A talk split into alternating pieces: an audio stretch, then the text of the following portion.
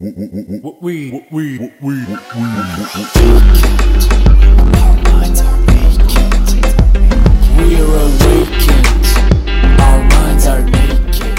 svima, ja sam Martina Đokić, vi slušate podcast Mentalni nudista. Nalazimo se u četvrtoj epizodi sezone 2 i kao što vidite ova epizoda izlazi na dan kada nije inače ovaj, trebala da izađe, odnosno izlazi dan ranije a zato postoji razlog koji ću objasniti u ovoj epizodi i sam naziv epizode uh, generalno objašnjava mnogo toga. Dakle, epizoda se zove Zauvijek nedefinisani, odnosno u ovoj epizodi govorit ću malo o toj dozvoli da se mijenjamo, o dozvoli da se istražujemo, o dozvoli da se oslobađamo od nekih definicija koje nam više ne služe i koje više nismo – i o dozvoli da promijenimo odluke, mišljenja, karijere, partnere, gradove, sebe, sve što nam dođe i sve što poželimo, da damo sebi dozvolu da to mijenjamo. Tako da, evo ja sam sebi dala dozvolu da ova epizoda izađe dan ranije, a objasnit ću vam kroz samu temu zašto je to danas tako.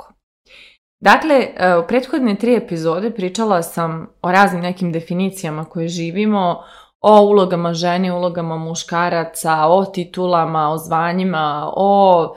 seksualnim nekim e, opredjeljenjima, to jest orijentacijama i, i željama i, i potrebama i koje čemu, znači svašta nešto sam ispričala. I u svakom slučaju mm, sada je trenutak da malo pričamo o tome moramo li mi sve te definicije da živimo i šta to uopšte znači kada pristanjemo da ih živimo, što to nama zapravo donosi, a šta odnosi iz života. E sad, kako to inače biva, sve počinje u našem djetinjstvu,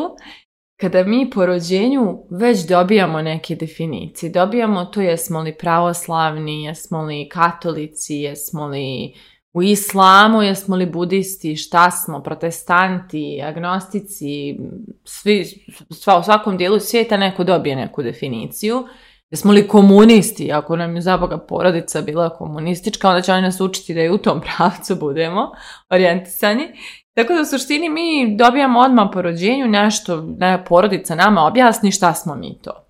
Onda dobijamo neku nacionalnost, dobijamo neki pol, Dobijemo neki društveni status, jesmo li siromašne, bogate, ugledne, neugledne, kakve tačno porodice. I mic po mic, sve te definicije nama kao da postavljaju neke okvire, granice i mogućnosti koje mi sad treba dalje da živimo i da ih e, držimo. I naravno cilj je da svi mi prevaziđemo te neke nivoje s kojih smo krenuli, ako je to moguće. I naravno da e, bez obzira na sve definicije koje nam je naša porodica dala, ipak pronađemo sopstveni neki način da se izrazimo i kažemo ko smo i saznamo ko smo i otkrijemo neke svoje talente i tako dalje. E sad kad se vratimo malo opet e, u djetinstvo, ali sada malo kasnije djetinstvo gdje, ne znam, krećemo u školu, tu već kreću da nas definišu po tome kakvi smo sa ocjenama, jesmo li odlikaš, jesmo li vrlo dobri, jesmo li dobri, jesmo li loš đak, dobar đak i to opet ne, postaje neka definicija koja nama određuje kao kakvi su naši potencijali, jesmo li mi to nešto pametni ili nismo. Što sada, evo iz ove perspektive, kada smo odrasli ljudi, znamo da nema nikakve veze s mozgom to to šta nam nama škola definisala tada kada smo bili djeca, jer postoje đaci koji nisu bili ništa specijalno, a uspjeli su jako u životu, postoje neki vrhunski đaci koji nisu, bog zna šta napravili, i na kraju krajeva i ta ideja uspjeha je vrlo kažem, fluidna e, stvar, odnosno nije uspjeh samo imati neke titule i zarađivati neki veliki novac, ima tu mnogo nekih stvari koje zapravo čini onaj istinski i pravi uspjeh. Tako da suština je škola dalje, jel, krem da nas definiše, pa jesmo li neki popularni e, član tog školskog društva ili smo neko ko je malo odbačeniji od drugova i, i prijatelja i tako dalje. Tako da tu opet pokupimo neke definicije. Onda opet srednja škola, sve to tako nešto slično, jesmo li, tu već kreće pubertet, pa jesmo li zgodni, lijepi ili nismo, jesmo li mršavi, debeli, jel imamo bubuljice, nemamo, jesmo li privlačni dječacima ili privlačni djevojčicama ili nismo. Tu s tijelom počinjemo da, da razvijamo neke definicije, to jest naše tijelo počinje da nas definiše, imamo male grudi, velike grudi, mali polni organ, veliki polni organ i tako dalje. I mi tu krećemo da padamo na te definicije koje su nam nametnute i da na taj način stičemo sebi neke zaključke, odnosno počinjemo sebe da prihvatamo ili ne prihvatamo u skladu s tim kako nam se tijelo razvilo. I na kraju kako je neko okruženje u kojem smo prihvatili to naše tijelo. I tu se razvija dalje, znači neke, dodaju se neke nove definicije i onda stiže fakultet i na fakultetu se bira, to jest kada upisujemo fakultet, ako ga upisujemo ili nebitno posle srednje škole ovaj, krećemo da radimo, nebitno sad kako je ko kojim putem krenuo, ali tu već dolazi e, pred nas odluka ko smo mi u tom nekom karijernom smislu, koja je branša naša, čime ćemo da se bavimo, koja će biti neka naša budućnost i mi tako već sa svih strana izdefinisani i oblikovani od strane sistema, porodice i društva, moramo da donesemo neku iole smislenu odluku i zabiremo kakva će to biti naša budućnost i tu nabodemo neki fakultet ili neku karijeru i krenemo u tom pravcu. E sad, kao što vidite, samo ovaj prethodni sistem, osnovna, srednja, porodica i sve ostalo, ništa od tih sistema nije bilo tu da nam pomogne da mi zapravo shvatimo koji su neki naši potencijali, koje su naše strasti, koje su naše vrijednosti, pa da mi kroz to sebe definišemo – Šta je to neki naš autentični izričaj? Šta su naši talenti? Šta nas ispunjava kada radimo? Niko nas tome ne nauči, nego sve nešto ide nešto pro forme i stignemo mi do te velike životne odluke čime ćemo da se bavimo i ko ćemo da budemo, tako već, da kažem, nesvjesni toga ko smo, mi biramo još jednu krupnu stvar u svom životu, Onda to izaberemo, neki, neki vole svoj fakultet, neki ne mogu očima da ga gledaju, neki ga čisto onako eto završe jer to tako treba. I onda krećemo tu neke karijere, nekima se snađemo, nekima baš ne. Trenutno poznajem mnogo više ljudi koji ne vole svoj posao nego onih koji vole ili u krajnjem slučaju ne vole svoju kompaniju, ali jebi ga, izabrali smo to, moramo sad da živimo s tim izborom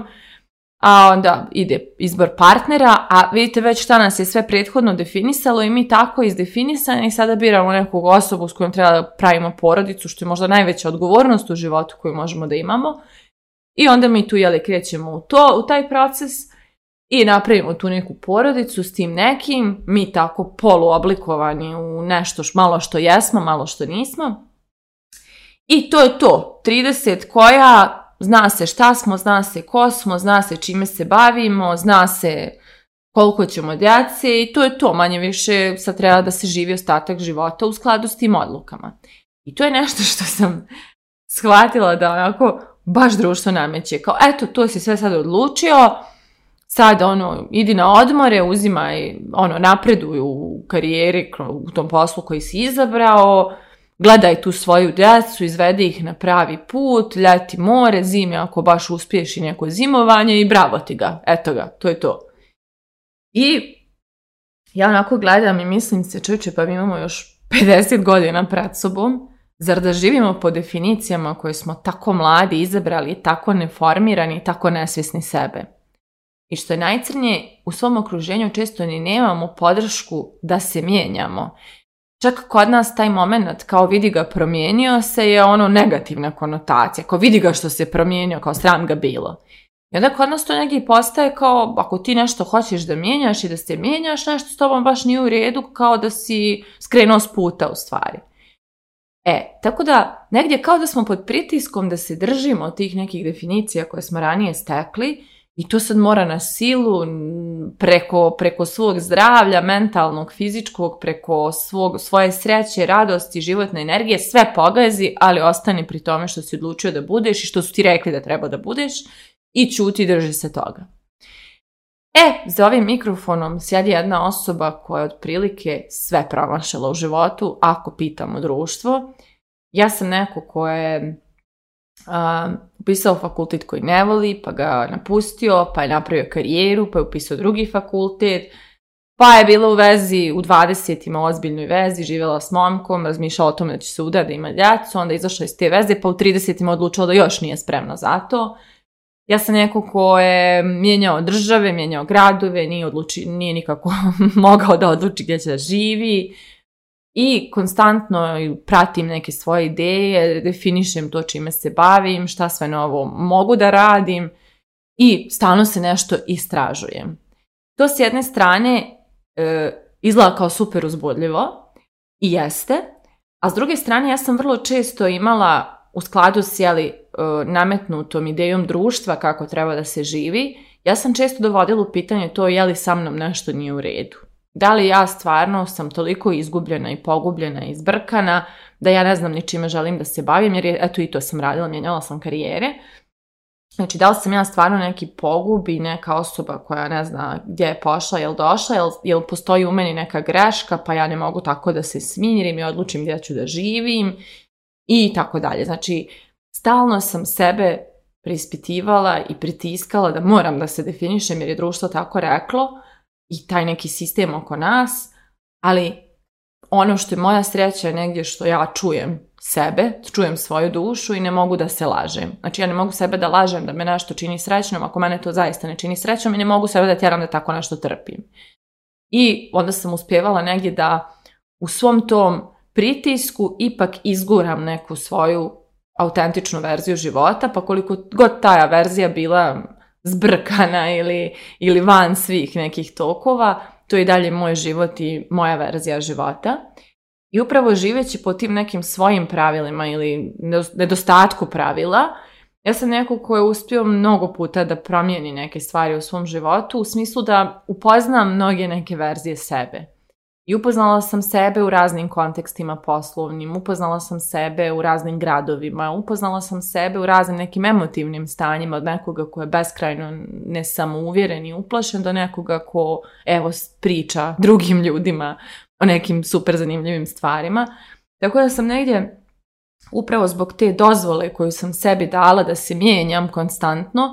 ja zapravo do ovih svojih 33 godine živjela jedno pet života sigurno, minimum pet, jer toliko mi je jaka ta dinamika života i, i promjena i, i otkrivanja i razotkrivanja sebe, da stvarno svake godine sigurno upoznam neku potpuno novu sebe. I ta moja dinamika je, evo, mene dovela do toga da, ne znam, sad s 33 ja pripremam polumaraton, trčim polumaraton, nikad mi to nije bila ambicija, nikad nisam razmišljala o tome. Ja, koja nisam završila fakultet još uvijek, evo, završit ću opet to ove godine, znači ove godine ću i to da riješim. ja sam dugo patila od te definicije što nemam fakultet, mislim da sam dugo i potiskivala to koliko je to veliki kompleks u meni, jer mi je usađeno da je to jako važna stvar i da će to da me definiše i da mi da neke prednosti u životu. E, ja sam imala priliku da na moje edukacije dolaze ljudi koji su asistenti meni bili ili su sada asistenti na fakultetu koji meni nije išao. Znači, imala sam priliku da predajem ljudima koji su po tim nekim statusima, titulama i ostalom veći od mene. Znači, evo ja sam u gradskoj upravi, grada Banja Luke svim načelnicima odjeljenja držala edukacije i mnogi ljudi koji su jako uspješni u svom poslu, koji su napravili nevjerojatne stvari, bili su moji, ne mogu reći đaci, ali moji klijenti. Tako da negdje e, iako sam, iako je neki dio mene patio od toga što nije definisan, ovaj drugi dio mene koji je bio hrabar da se traži, da se preispituje, da se otkriva iznova, da se mijenja, je ipak meni donio neke fantastične prilike u životu i omogućio mi da, e, da rastem na načinu koji ne bih sigurno nikad dotakla da sam ostala na tom nekom nacrtanom putu koji je tamo neko nekad nacrtao, taj neko ne zna se ni ko je i ko uopšte garantuje taj sistem života koji nam je nametnut kao ispravan, ko kaže da je to zaista pravo, ko, su ti ljudi koji tu žive i srećni su, evo ne znam. I onda e, sada jako imam dozvolu da se mijenjam, konstantno se predomišljam, da mijenjam svoje ciljeve, da mijenjam svoje ideje i znam da to mnoge ljude u mom okruženju uznemirava. Zato što nisu navikli, nemaju oni tu dozvolu da smiju tako nešto da rade i onda kada čuju mene, kada ja kažem prvo da ću jedno, pa onda shvatim da mi to nije to, pa hoću nešto drugo, E, nekad to ljudi učini da, da, me gledaju kao možda ili neodlučnu ili nesigurnu ili nešto tako, a ja se igram, doslovno. Mislim, te odluke koje donosim ne ugrožavaju nikoga, to su samo moje ideje da li ću da udarim u ovu ili onu stranu, ali ovaj, hoću kažem, pouzdana sam ka drugim ljudima, ali dajem sebi za pravo da za sebe biram ono što osjećam u ovom trenutku da je ispravno, pa danas će se to činiti da je jedno i pomislit ću da je to super stvar i onda ću krenuti ka tom nekom cilju i usput dok koračam ka tom cilju saznaću o sebi neke nove stvari zbog kojih ću shvatiti da je taj cilj zapravo bio samo sredstvo da me povede na taj put, da ja upoznam to nešto novo u sebi i da sada s tim novim informacijama donesem neke nove odluke. I to je ono što je fenomenalno u mom životu, što ja zaista volim i pratim taj svoj osjećaj. Da li me nešto guši, da li me nešto opterećuje, da li me nešto usrećuje, da li me nešto inspiriše i ne volim da vidim verziju sebe u kojoj ja nisam inspirisana i zadovoljna i nesijam. Jer znam kakva sam kada sam prava osoba na pravom mjestu, odnosno kada radim pravu stvar koja mene zaista pokreće, ispunjava i raduje i onda volim tu verziju sebe. I svaki put kada izgubim tu verziju sebe u nekom polju i shvatim da sam otišla u pravcu potpunog ono prepuštanja slučaju, da kažem, odrađivanja stvari ili kako god, ja ne želim više da budem ta osoba ili tražim novi neki ugao kroz koji ću da se inspirišem ili napuštam to gdje sam i mijenjam stvari. Evo ja sam na primjer sedam godina držala NLP edukacije, to jest šest, pardon, zvanične edukacije, šest godina sam držala i e, odlučila sam sada da napravim pauzu jer sam imala intenzivnih šest godina sa uvijek puno grupa, puno gradova, puno država i samim tim, da kažem na neki način sam se malo potrošila. I dala sam sebi pravo da napravim pauzu, iako to uključuje rizik i financijski rizik za mene i svašta nešto uključuje, neke, mm, da kažem, neke stvari koje jesu stresne, ali ne mogu sebe da lažem, potrošila sam se bila. I dala sam sebi pauzu, znači pravo na pauzu i pravo da odlučim kada i da li ću da nastavim da radim edukacije. I jako sam zadovoljna tim pravom koje sam sebi obezbijedila također, recimo, ono što sam shvatila, mene jako inspiriše moj podcast, to je nešto gdje vidim sebe, kako sijam, kako sam presrećna dok to radim.